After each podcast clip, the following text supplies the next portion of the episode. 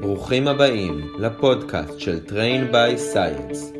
כאן דרור הדדי, מאמן אופניים בינלאומי מוסמך מטעם ה-UCI ומומחה בפיזיולוגיה ובתורת האימון.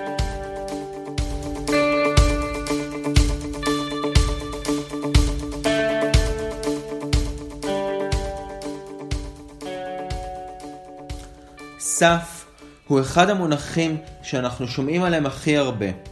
והוא באמת מאוד מאוד חשוב. הוא מהווה את אחד הפרמטרים הכי משמעותיים למדידה של השיפור בכושר. הוא רלוונטי בסוגי הסיבולת השונים. באופניים אנחנו נמדוד אותו בוואטים, ובריצה אנחנו נמדוד אותו בקצב. כאשר לא רק שהסף מראה את רמת הכושר הנוכחית שלכם, אלא הוא גם עוזר לנו לקבוע את טווחי האימון שלנו. וזה הדבר הבאמת חשוב בסף. בסופו של יום, המטרה שלנו היא לא לדעת מה הסף שלנו, כי לזה אין שום חשיבות. המטרה היא לדעת איך להתאמן יותר נכון, ובסופו של דבר לבצע את זה במרוץ בעזרת האימונים שעשינו. אז בעצם טווחי האימון שנגזרים מהסף, זה הדבר הבאמת קריטי בידיעת הסף. חשוב לומר שאין סף אחד, אלא יש שניים. הסף שרובנו מתייחסים אליו רוב הזמן הוא הסף האנאירובי, שיש לו עוד כל מיני שמות כמו אובלה או MLSS, אבל אני אתייחס אליו היום בתור הסף האנאירובי.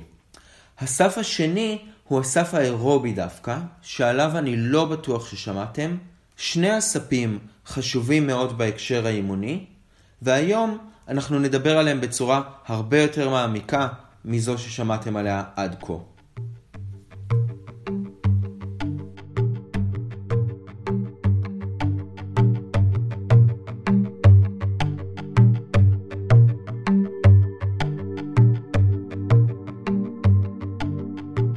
אז בואו נדבר קודם כל על מה זה סף.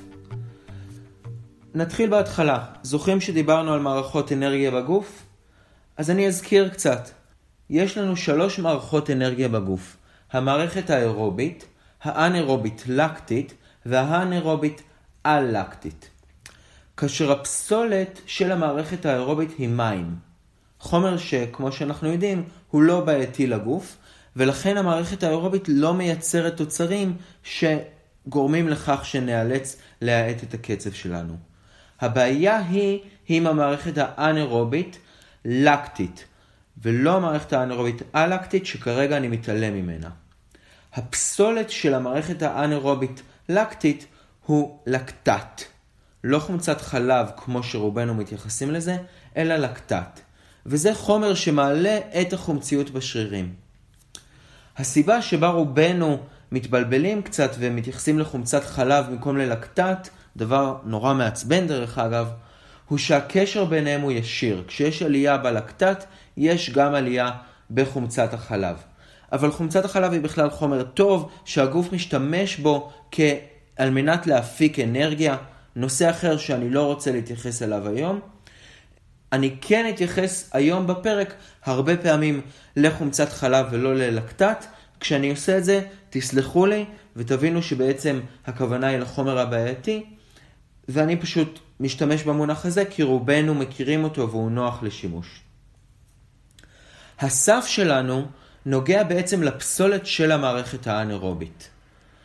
ככל שהמערכת הזו מוציאה יותר פסולת, יותר לקטט, ככה הסף שלנו נאלץ להיות יותר נמוך. אבל חשוב להבין שהסף שלנו לא מודד רק את המערכת האנאירובית, אלא הוא מודד את האינטראקציה בעצם בין המערכת האירובית לבין המערכת האנאירובית. ואם שמעתם את הפרק הקודם בנוגע למערכות אנרגיה בגוף, הבנתם שהעניין הוא לא עוצמת המערכות, אלא האיזון בין המערכות. המערכת האירובית עושה שימוש בתוצרים, בפסולת שמוציאה המערכת האנאירובית. ובעצם כשאנחנו מחזקים אותה, אנחנו מעלים את הסף שלנו, כל עוד יש לנו מערכת אנאירובית שעדיין מסוגלת לייצר מספיק חומצת חלב או לקטט. אוקיי, אז בואו נדבר על איך עושים מבחן סף. בעולם המדעי, איך עושים מבחן סף בצורה הכי נכונה שיש, ואחר כך ניקח את זה לעולם שלנו, לעולם הרגיל יותר שבו אנחנו לא נמצאים בתוך מעבדה. אז אני מסתכל כרגע על טסט של רוכב מסוים, ובעצם מה קורה בטסט הזה? בטסט הזה מעלים את הרוכב על ארגומטר, אבל באותה מידה בריצה יכול להיות שיעלו אותו על אה, מכשיר ריצה. לאט לאט אנחנו מגבירים את הקצב. בהתחלה הוא נוסע ב-100 ואט, אחר כך ב-120 ואט, 140 וכן הלאה. הוא עולה ל-200, 250, 300 ו-350 וכן הלאה בוואטים. כאשר כמובן בין רוכב לרוכב המספרים האלה השתנו. ורוכב מאוד חזק, אנחנו נצטרך להעלות אותו יותר גבוה, כי הסף שלו נמצא במקום יותר גבוה, לעומת רוכב יותר חלש, שאיתו אנחנו נתחיל במקום יותר נמוך ונעלה למקומות פחות גבוהים. מה בעצם אנחנו עושים כשהוא מעלה את העצימות? אנחנו גם מודדים את הוואטים שהוא נמצא בהם, גם את הדופק שהוא נמצא בו, וגם כמובן את חומצת החלב, שהיא בעצם הדבר המרכזי שנעשה במעבדה. עושים את זה על ידי דקירה של האצבע או של האוזן, מוציאים קצת דם מהגוף ומודדים כמה חומצת חלב אנחנו רואים בדגימת דם הזאת. בהתחלה, כשהרוכב נמצא בעצימויות נמוכות, נגיד באזור ה-100, 120, 130 ואט, אנחנו רואים שחומצת החלב שלו מאוד מאוד נמוכה. היא נמצאת באזורי החצי מילימול לליטר בדם, באמת במקומות מאוד מאוד נמוכים. את זה אנחנו רואים עד 140 ואט בערך, ושם לאט לאט אנחנו מתחילים לראות איזושהי עלייה בחומצת החלב בגוף שלו. אז לדוגמה, ב-140 הוא נמצא על חצי מילימול חומצת חלב בליטר דם, ב-160 הוא כבר נמצא על משהו כמו 1 מילימול, וב-180 הוא כבר נמצא על 1.3 בערך. כאשר לאט לאט אנחנו רואים איך הגרף הזה עולה. לדוגמה ב-190, 195 ואט כבר נמצא בערך 1.5, 1.4 מילימול בדם, ובנקודה מסוימת אנחנו פתאום רואים שזה עולה. אנחנו רואים שכשהוא מגיע ל-200 אה, ואט הוא עדיין נמצא מתחת ל-2 מילימול, אבל בנקודה הזאת, כשאנחנו מסתכלים על המדידה הבאה, שהיא ב-205 ואט, אז אנחנו רואים שפתאום עולה. פתאום חומצת החלב בדם שלו עלתה מעבר לסף 2 המילימול. זה הסף האירובי. הנקודה הראשונה בה חומצת החלב שלנו בעצם מתחילה לעלות למספרים שמעבר למספרי מנוחה, ואנחנו מעלים עצימות.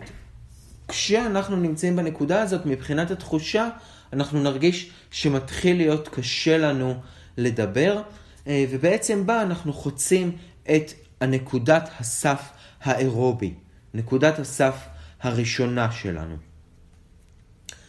אחרי שאנחנו מגיעים לנקודה הזאת, אנחנו רואים איזושהי התייצבות. כלומר, במקרה של הבחור הזה, אנחנו רואים שב-205 ואט הוא נמצא ממש על 2 מילימול, ב-210-215 הוא נמצא בערך על אותו מספר, אותו דבר נכון גם ל-220, ואז פתאום אנחנו רואים עוד עלייה. ב-225 אנחנו רואים שהוא עלה לאזור ה-2.5 מילימול, וב-230 אנחנו רואים שהוא עלה כבר לאזור ה-3.5 מילימול. ושם איפשהו נחצה הקו. ב-235 הוא עדיין נמצא מתחת ל-4 מילימול, אבל אנחנו רואים שהעלייה פה מתחילה כבר להיות יותר מהירה. ב-240 ואט הוא עובר את נקודת הסף שלו, הוא עובר את ה-4 מילימול חומצת חלב בליטר דם. ומשם אנחנו רואים שזה מתחיל להשתולל. מהנקודה הזו והלאה הוא מעלה את הוואטים והעלייה בחומצת החלב בגוף שלו היא אקספוננציאלית, כבר לחלוטין הגוף שלו לא מסוגל להוריד את זה למטה, וזה בעצם מה שקורה, זה מה שבעצם קורה בטסט הזה.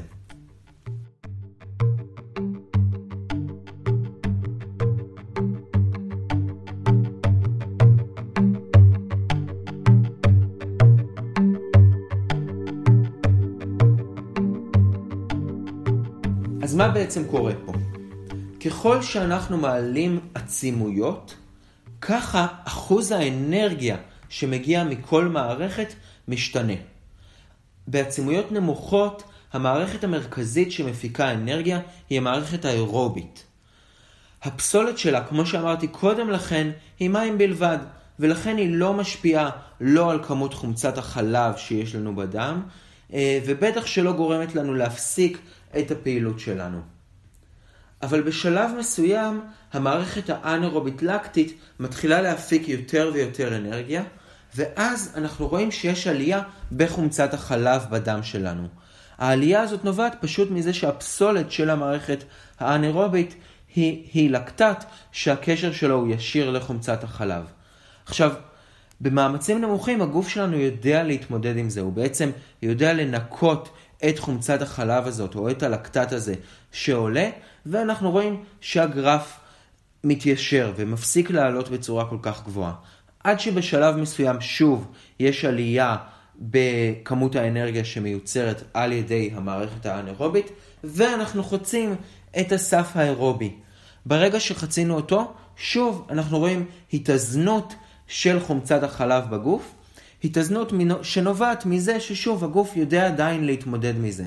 ושוב, יש לנו עוד 20-30 ואט במקרה של הבחור הזה, שבהם חומצת החלב יציבה למדי. ואחריה, שוב, אנחנו רואים עלייה, בהתחלה עלייה שעדיין נמצאת בין ה-2 ל-4 מילימול, כלומר, הגוף, למרות שיש עלייה בחומצת חלב, עדיין יודע להתמודד איתה בצורה טובה. אבל בשלב מסוים, ברגע שאנחנו ממשיכים ומעלים עצימות, והמערכת האנאירובית נכנסת לפעולה יותר ויותר משמעותית, אנחנו מנצלים יותר ויותר פחמימות גם בשלב הזה, אז הגרף ממשיך לעלות, עד, שבמצ... עד שבשלב מסוים הוא עובר את ה-4 מילימול חומצת חלב בדם, ומשם נגמר הסיפור. אנחנו פשוט הולכים ומעלים את החומציות בדם, והגוף בעצם לא יודע להתמודד עם חומצת החלב הזאת, הוא לא יודע להוריד אותה יותר, כי פשוט אין לו את היכולת הזאת, ובאיזשהו שלב אנחנו נאלץ להפסיק את הפעילות שלנו. עכשיו, אמרתי הרבה פעמים את המילים 2 מילימול ו-4 מילימול. חשוב לומר שהמספרים האלה הם המספרים המקובלים במדע, אבל אצל כל אחד מאיתנו הם יכולים להיות קצת שונים. יכול להיות שאצל חלקנו אנחנו נראה את אותה עלייה אקספוננציאלית בחומצת החלב, לא ב-4 מילימול, אלא ב-5 מילימול, ויכול להיות שאצל אחרים זה יהיה בכלל ב-3.5 מילימול. כן, זה משתנה בין אדם לאדם, ואנחנו יודעים להבין את זה בצורה טובה כשאנחנו מסתכלים על הגרף, אבל זו המדידה המקובלת, ולכן אני מתייחס אליה היום. עוד דבר שחשוב מאוד להבין, זה שהגרפים של ספורטאים שמתאמנים בצורה שונה, התנהגו בצורה שונה. ספורטאים למשל, שעושים הרבה מאוד אימוני חור שחור, אימונים בטווח 3, טווח 4 נמוך, בעצם בין 2 ל-4 מילימול, יראו שהגרף שלהם עולה הרבה יותר מהר אל מעבר ל-2 מילימול. הסיבה היא שאין להם שליטה טובה בחומצת החלב שלהם, כי הגוף שלהם לא רגיל ולא יודע לעבוד בעצימויות האלה. הוא ישר מעלה את חומצת החלב אל, אל השניים לארבעה מילימול, ובעצם בגלל שהם לא עובדים בעצימויות נמוכות ומשפרים את המערכת האירובית שלהם ומשפרים את היכולת של הגוף שלהם לשלוט בחומצת החלב ולהוריד אותה, הם פוגעים בסף האנאירובי, הסף הגבוה שלהם. אם הרוכבים האלה היו עושים יותר רכיבות בעצימויות נמוכות דווקא, הייתם רואים שכל הגרף הזה היה יורד למטה, מה שגם מעלה את הסף האנאירובי שלהם, הסף שבעזרתו אנחנו יודעים להגיד או להשוות מה הכושר שלנו. אוקיי, אז עד כאן הבנו מה זה סף ומה זה הטסט הזה. עכשיו חשוב להבין שהסף, כמו שאמרתי קודם, כשלעצמו הוא לא מאוד חשוב. המטרה של הסף היא לקבוע את טווחי האימון שלנו, ויש לנו בסך הכל שלושה טווחי אימון כשאנחנו מסתכלים על זה מבחינה פיזיולוגית. טווח אחד, טווח שנמצא מתחת לשני מילימול. שימו לב שאצל הרוכב הזה שכרגע הסתכלנו עליו זה טווח לא קטן. זה רוכב עם סף בסדר גודל של 240 ואט כמו שראינו. ואצלו הטווח שלה מתחת לשני מילימול יושב עד משהו כמו 190-200 ואט. כלומר, יש פה הרבה מאוד טווח עבודה שאני בטוח שרלוונטי גם להרבה מאוד מכם, שבו אפשר לעבוד בעצימויות אירוביות. טווח 2 נמצא בין 2 מילימול ל-4 מילימול, ובגישת האימון הקוטבי, זו שאני מאמין בה ועובד לפיה, גישת ה polarized training, זה טווח האימון המבוזבז ביותר. זה בעצם הטווח שבו אנחנו לא משיגים מספיק benefit בשביל לשפר את עצמנו, אבל אנחנו גם מתאמנים קשה מדי בשביל שנוכל להתאושש מספיק טוב ולעבוד בעצימויות גבוהות. זה גם לא הטווח שממוקד בצורה מלאה בטווח האירובי שלנו. הוא מפעיל במידה מאוד חזקה גם את המערכת האנאירובית. ולכן זה טווח שאני משתדל להימנע מלהתאמן בו ולאמן בו, אבל זה נושא אחר לפודקאסט אחר, ואני מצטער שאני נכנס לזה כרגע. טווח 3 זה טווח שנמצא מעל 4 מילימול, ובעצם בו צריכים להתבצע האימונים הקשים שלנו. חלקכם אולי מרימים גבה עכשיו, הרי אני מניח שרובכם מכירים מעולם האימון הרבה יותר טווחים משלושה. רובנו עובדים עם שבעה טווחים, שרצים מזון 1, זון 1, ועד זון 7. וזה נכון, רובנו משתמשים בשיטה אחרת מהשיטה הזאת, אבל לפחות ברמה הפיזיולוגית אין חלוקה לשבעה טווחים, אלא לשלושה טווחים האלה, ואני אדון עוד אחר כך בנושא של טווחי אימון ואכנס לזה יותר לעומק. עכשיו, לרובנו אין נגישות למעבדה ולמכשירי חומצת חלב, ולכן אנחנו נאלצים לקבוע את הסף שלנו באמצעים אחרים. השיטות האלה רלוונטיות גם בריצה וגם ברכיבה, גם בשחייה כמובן, והן לא בהכרח דורשות ממש מבחן חומצת חלב, לפחות לא בשביל לקבוע את הסף האנאירובי שלנו. שימו לב שאני אומר אנאירובי, כי את הסף האירובי קצת יותר קשה למצוא בלי שימוש בכלים מעבדתיים. אני יכול לתת לכם כללי אצבע, אבל הם לא יהיו כמובן מדויקים ב-100%. עוד דבר שחשוב לומר, זה שכל מה שאני אומר פה, אני מדבר באחוזים ובמספרים ובכל מיני דברים כאלה, הם משתנים בין בן אדם לבן אדם. כשאני אומר 78% למשל, זה הנקודה שבה אנחנו חוצים את הסף האירובי, את השני מילימול, זה לא בהכרח בדיוק נמצא שם, אצל חלקכם זה יהיה ב-75%, אצל חלקכם ב-82%, זה המספר הממוצע. ושימו לב שהממוצע הוא בעייתי, כי כל אחד מאיתנו הוא אינדיבידואל, אנחנו מתאמנים למען המטרות האישיות שלנו, הגוף שלנו מגיב בצורה שונה, ואנחנו צריכים להתאמן על בסיס מה שמתאים לו. אם כולנו עובדים על בסיס ה-78% הזה, זה מצב שבעצם הוא בעייתי. אבל היום אני אדבר באחוזים האלה, ותדעו שהם לא בהכרח נכונים לכם ב-100%, ובשביל לדעת את זה צריך לעשות בדיקות יותר מתקדמות.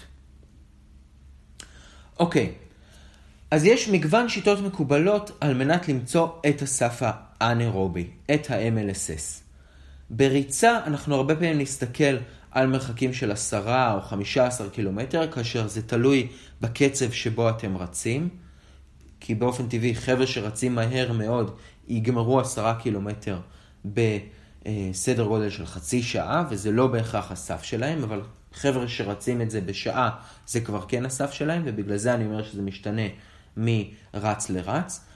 ברכיבה, רובנו משתמשים היום אה, בטסט של 20 דקות, שממנו על מנת למצוא את הסף אנחנו מורידים 5%. אבל יש עוד טסטים מקובלים, אחד מהם זה טסט אה, של 8 דקות, שממנו מורידים 10%, כלומר אם עשינו 300 ואט ב-8 דקות, אנחנו מורידים 30 ואט ומקבלים סף של 270 ואט.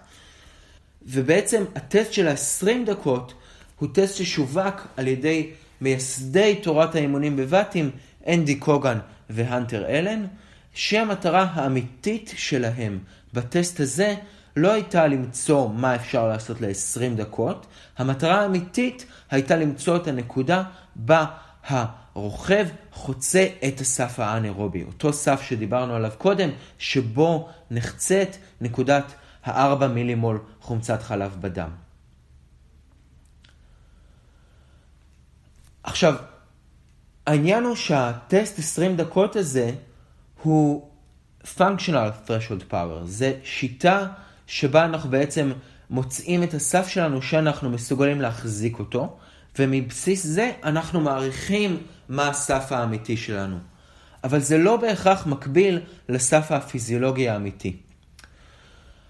השיטה הזאת של לעשות טסט all out של 20 דקות ולהכפיל אותו ב-0.95 או להוריד ממנו 5%, בעצם מיועדת על מנת להעריך מה אנחנו מסוגלים לעשות בטסט של שעה בכלל, לא של 20 דקות, וזה נותן לנו את הסף הפונקציונלי, שהוא הערכה למה שאנחנו מסוגלים לעשות ב-4 מילימול. עכשיו, שאלה שאני קצת נוטה לערער עליה בתקופה האחרונה, וזה על בסיס דברים של סטפן סיילר, זה שה-20 דקות הזה יודע לחזות את מה שאנחנו נעשה ב-60 דקות. על פי סיילר, שהוא המייסד של תורת האימון הקוטבית, זו שאני מאמן לפיה, הוא בחן הרבה מאוד ספורטאים בטסטים של חומצת חלב, ועשה להם גם טסטים של 20 דקות, גם של 8 דקות, גם של שעה, ועל פיו הטסט של ה-20 דקות לא נותן באמת את נקודת הסף. הוא לא נותן לא את נקודת הסף ולא את מה שהרבה מאיתנו יודעים להחזיק לשעה. בעצם ב-20 דקות אנחנו צריכים לפי דעתו לפחות ברוב המקרים להכפיל את זה בפחות או ביותר מ-0.95. במקום 0.95 אנחנו צריכים להכפיל את זה ב-0.92 או 0.9 או משהו בסגנון הזה, ובאופן כללי הוא מתנגד לכל הנושא הזה של הכפלות. הוא אומר, אתם רוצים לדעת מה הסף שלכם? תעשו טסט של שעה. אתם רוכבי אופניים, ואתם יודעים לעבוד קשה, ואתם צריכים להיות מסוגלים שעה לעבוד מאוד מאוד חזק, כאשר כמובן אתם לא צריכים להתחיל חזק מדי, זה לא טסט כמו הטסט של 8 דקות, שבו אנחנו פשוט ב-all out כל הזמן. בטסט של שעה אנחנו מתחילים במה שאנחנו מצפים שיהיה הסף שלנו, שברבע שעה הראשונות זה לא כל כך קשה להיות שם, וזה הולך ומתגבר לאורך הטסט. אז כן, אז על פי סיילר צריך לעשות בכלל שעה. עכשיו תרשו לי שנייה לסטות מהנושא. הרבה מאוד מאיתנו הופכים את הסף למבחן של למי יש הכי גדול. למי יש את הסף הכי גבוה, למי יש את הוואט לקילו הכי גבוה. ותרשו לי לומר זאת, אבל זה מטומטם, וזאת לא המטרה של הסף. יצא לי לשמוע לא מעט רוכבים שמנפחים פשוט את הסף שלהם בצורה מאוד מוגזמת כדי להישמע יותר חזקים ממה שהם. וכשעמדנו על קו הזינוק יחד, ציפיתי לראות אותם פשוט באים ומנקנקים את כולם, כי עם כזה סף בקטגוריה של הפרו הם צריכים להיות עמוק בתוך העילית. אבל בפועל מה שקרה זה שברגע שהייתה איזושהי לחיצה בפלטון, הם פשוט התפרקו. חברים, סף זה לא משחק של למי יש הכי גדול, וזה לא משהו שאנחנו פשוט צריכים להשוות בין אחד לשני. זו בסך הכל נקודה פיזיולוגית שאנחנו רוצים להתאמן לפיה. זה הכל. אין פה מטרה של לבוא ולהגיד לי יש 4 ואט לקילו, לי יש 3.5 או לי יש 6 ואט לקילו. זה לא היעד של הסיפור הזה. היעד של הסיפור הזה זה להיות נקודה פיזיולוגית שעל בסיסה אנחנו מתאמנים. וכל החבר'ה שמפחדים לעשות טסט סף כי הם ידעו באמת מה הסף שלהם, אז חבר'ה, תהיו ילדים גדולים. אנחנו לא אכפת לנו מה הסף שלכם, וזה לא מעניין. מה שמעניין זה שתתאמנו בצורה נכונה. טוב, בואו נחזור לנושא. אז כמו שאמרתי, סיילר מעודד לעשות טסט של שעה, וזה מה שכנראה באמת נותן את הסף שלנו בצורה טובה יותר. עכשיו, אני לא יודע כמה מכם עשו טסט של שעה, זה פשוט נורא נורא קשה, ומי מסוגל בעצם לסבול כל כך הרבה, אבל זה הגישה הנכונה. ואני לאחרונה נתתי לכמה רוכבים שלי לעשות טסט כזה בדיוק, ואני יכול להגיד לכם שאני מרגיש הרבה יותר שלם עכשיו עם המספרים שלהם ועם הסף שלהם ממה שהרגשתי קודם לכן. זה מרגיש לי באמת שעכשיו אני רואה את המספרים האמיתיים שלהם ואת ה, היכולות האמיתיות שלהם, וחוץ מזה יש להם טווחי אימון הרבה הרבה הרבה יותר נכונים. לא רק זאת, אלא שתחושת ההצלחה שלהם אחרי הטסט הזה הייתה מדהימה. זה נורא קשה לעשות שעה בסף, אבל כיכולת, זו יכולת מאוד חשובה לרוכב אופניים. בין אם תעשו את זה בנגש, בין אם תעשו את זה על עלייה, זה לא משנה, אבל היכולת כשלעצמה היא מאוד מאוד משמעותית. עכשיו, עוד שאלה שעולה הרבה מאוד פעמים, היא איפה לעשות את הסף. האם אנחנו עושים אותו בשביל להשיג את המספר הכי גבוה, כן, שוב, גישת ה... למי יש הכי גדול, או האם אנחנו עושים אותו באמת בשביל לדעת איך להשתמש בו. ובעיניי הגישה הנכונה בשביל לדעת מה הסף שלכם, היא לעשות אותו במקום שבו אתם תעשו את האימונים שלכם. מי מכם שמתאמן הרבה על trainer, ובטח עושה את האימוני האיכות שלו על trainer, תעשו את הטסט סף שלכם על ה trainer. אם אתם הרבה מתאמנים בעליות, תעשו את זה שם, ואותו דבר נכון למישור. אני אתן לכם לדוגמה את ההשוואה בין WCR TLV לעומת WCR גלילי. שתי הקבוצות מתאמנות במקומות מאוד מאוד שונים. ב-WCR TLV מתאמנים בעיקר בפארקים באזור תל אביב, פארק אריאל שרון ופארק הירקון. ושם אנחנו עושים את הטסט במישור, בפארק שבו אנחנו מתאמנים. למה? כי שם אנחנו גם נעשה את האינטרוולים ואת האימונים שלנו. אנחנו רוצים שהסף שלהם יהיה רלוונטי למקום שבו האימונים מתבצעים גם. לעומת זאת, ב-WCR גלילי, רוב או הרבה מהאימונים מתבצעים בעליות של הגולן, של הגליל, ופה יותר נכון דווקא לעשות את הטסט הזה על עלייה. אז כן, אז אתם צריכים לבחור איפה לעשות את הטסט הזה על בסיס המקום הכי רלוונטי עבורכם. לא לעשות אותו על בסיס המקום שבו תוציאו בהכרח את המספר הכי גבוה, כי זה יכול לגמרי לשנות. אתם עלולים להשיג מספר גבוה מדי, שאתם בעצם לא מסוגלים לעמוד בו באימוני השגרה שלכם, אלא תעשו את הטסט במקום הרלוונטי עבורכם.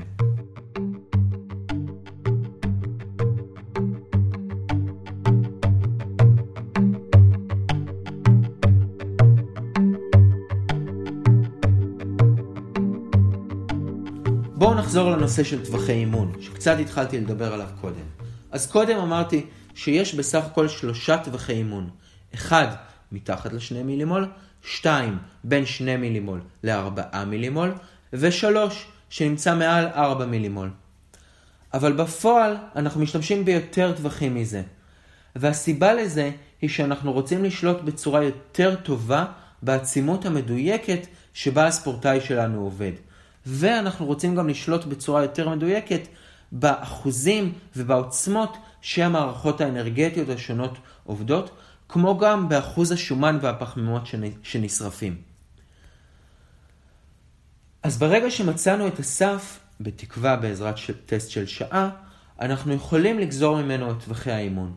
בבתים, זון 1 זה פחות מ-55%, 2 בין 56 ל-75%, 3 בין 76 ל-90% ו-4 בין 91 ל-105%.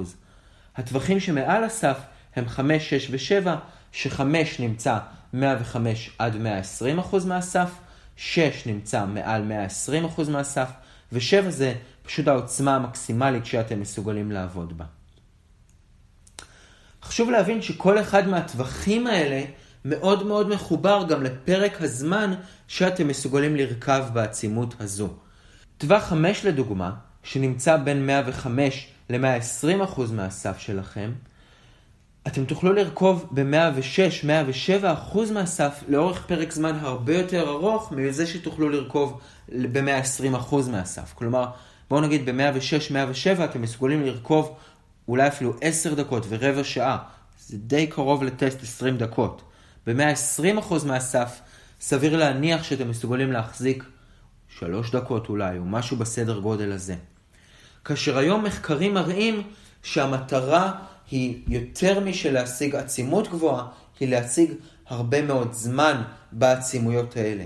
כלומר, הגישה היום מדברת שעדיף שתעבדו בעצימות קצת פחות גבוהה, 106-107% מהסף, מעל הסף, אבל קצת יותר זמן תעבדו בעצימות הזאת, מאשר שתעבדו בעצימות מאוד מאוד גבוהה ותעשו את זה לפרקי זמן מאוד קצרים. כנראה שההשפעה על הגוף נובעת יותר מפרק הזמן שבו הוא חשוף לאותה עצימות גבוהה, מאשר לעצימות כשלעצמה. עכשיו, אני מדבר הרבה בוואטים כי אני מאמן של ואטים, אבל אנחנו לא חייבים לגזור את טווחי האימון רק על בסיס ואטים, אנחנו יכולים לגזור אותם גם על בסיס דופק. כאשר ההנחה פה היא שהדופק שלכם יתייצב באיזשהו שלב כשאתם תהיו באזור הסף, ובעצם לא יעלה עוד לגובה. כשאנחנו עושים טסט 20 דקות, אנחנו רואים שהדופק עולה לאיזושהי נקודה מהר מאוד, ומשם כל הזמן עולה עד שהרבה מאוד פעמים הוא גם מגיע למקסימום. בסף הוא לא עושה את זה, הוא מגיע לאיזושהי נקודה, ושם הוא די מתייצב. כאשר מהניסיון שלי, אני יכול להגיד לכם שבדרך כלל דופק סף נמצא בסדר גודל של 20 פעימות מתחת לדופק מקסימום שלכם, וגם פה אנחנו גוזרים את הטווחי אימון שלנו על בסיס הדופק, ואתם יכולים להיכנס לבלוג שלי ב-Train by Science על מנת למצוא בדיוק את גזירת הטווחים גם עבור דופק וגם עבור ואטים. הזונים השונים מיועדים על מנת להתמקד במטרה פיזיולוגית מסוימת. ואני רוצה להדגיש את זה. כל טווח מתמקד ביעד פיזיולוגי אחר. הגישה של הרבה מאוד רוכבים ורצים שלפיה עדיף לעבוד הכי חזק כל הזמן, היא ממש ממש מפגרת. אתם יכולים לרכב ככה, אבל אתם לא עושים את זה עם שום מחשבה פיזיולוגית, אלא אתם סתם הולכים ועושים מה שנראה לכם הגיוני. כי no pain, no gain. ולא, באימונים אנחנו מנסים להגיע ליעדים מסוימים. כשאנחנו עובדים בטווחים אירוביים מתחת לשני מילימול, עיקר הפוקוס שלנו הוא על המערכת האירובית. המערכת הכי הכי חשובה בשביל הכושר שלכם. נכון, זה טווח נורא קל. ונכון, אולי קצת משעמם להתאמן שם, אבל שם אתם משיגים את ההשפעות הכי משמעותיות לכושר שלכם. אתם מגדילים את כמות וגודל המיטוכונדריות בתאי השריר שלכם. אתם מגדלים נימים חדשים. אתם משפרים את העברת החמצן מהדם לשרירים.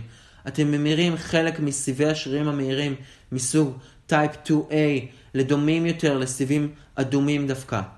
נכון, זה לא טווח נורא נורא נורא קל. הוא באמת אפילו קצת משעמם להתאמן בו. אבל שם קורות ההשפעות הכי הכי חשובות על הגוף שלכם. ומקצוענים לא סתם מבלים המון שעות אירוביות על האופניים.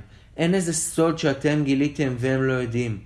להפך, הם מבינים שכדי באמת להתחזק, צריך גם לעשות את מה שמשעמם ופחות כיף. וזה אומר לצאת ולרכוב זמן ארוך בעצמויות נמוכות. אז למעשה, טווח 2, ולמעשה אפילו קצת פחות מהקצה של טווח 2, שנמצא באזור ה-83% ויותר באזור ה-78% מהסף, זה הטווח האירובי, כלומר קצת פחות מהקצה של טווח 2.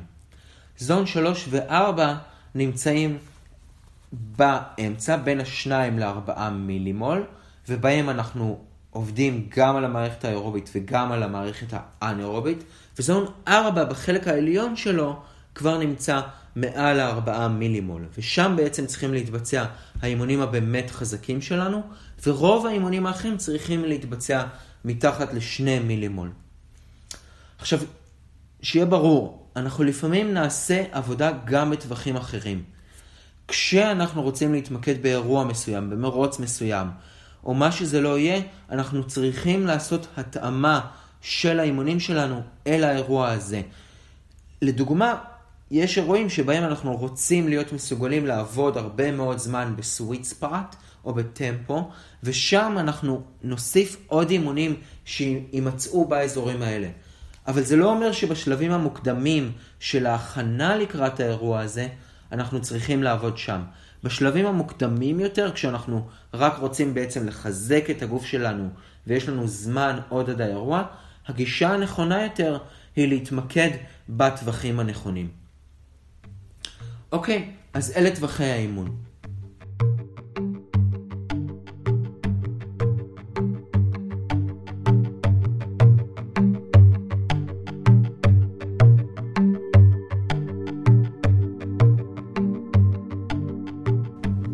נסכם. אז מה גילינו היום? גילינו שיש שני ספים פיזיולוגיים. יש את הסף האירובי ויש את הסף האנאירובי. הסף האירובי, והפחות מוכר לנו, נמצא באזור טווח 2, ולמעשה קצת נמוך בו, באזור ה-78% מהדופק מקסימום שלכם. זו הנקודה בה חומצת החלב עוברת את נקודת השני מילימול, נקודה שאותה אנחנו מוצאים במעבדה. הסף השני הוא הסף האנאירובי, MLSS או בלה, לא משנה איך תקראו לזה, והוא נמצא בערך ב-86% מהדופק המקסימלי שלכם, או ב-4 מילימול. הסף נובע מהפעולה של המערכת האנאירובית, שפועלת לקטט, שמעלה את החומציות בשרירים. העלייה בחומציות השרירים נובעת מהאיזון בין המערכת האירובית לאנאירובית. כשאתם מתאמנים הרבה בטווחים גבוהים, אתם גורמים לכך שהגוף שלכם לא יודע לייצב את חומצת החלב במקומות נמוכים, כלומר מתחת לשני מילימול, ובכך בעצם אתם מורידים את הסף שלכם. את הסף אנחנו קובעים על בסיס טסטים שונים. 20 דקות, 8 דקות, אני בטוח שכולכם מכירים, אבל לא ברור כמה הטסטים האלה אמינים. כדי לדעת באמת מה הסף שלכם מבלי ללכת למעבדה, אתם צריכים לעשות טסט של שעה, שהוא הטסט האמין ביותר. על בסיס הסף האנאירובי אנחנו קובעים את טווחי האימון, כאשר מבחינה פיזיולוגית יש רק שלושה כאלה, מתחת לשני מילימול, בין שני מילימול לארבעה מילימול ומעל ארבעה מילימול, אבל כמאמנים אנחנו קובעים יותר טווחי אימון, כדי לשלוט בצורה טובה יותר בעצימות האימונים. עד כאן הפרק של היום. תודה על ההאזנה לפודקאסט של Train by Science. אם מישהו מכם מעוניין בתוכנית אימונים אישית, פנו אליי או במייל trainbyscience at gmail.com או ישירות בעמוד הפייסבוק שלי Train by Science. אשמח לשמוע תגובות על הפרק של היום, ובכלל, שיהיה יום מעולה. thank you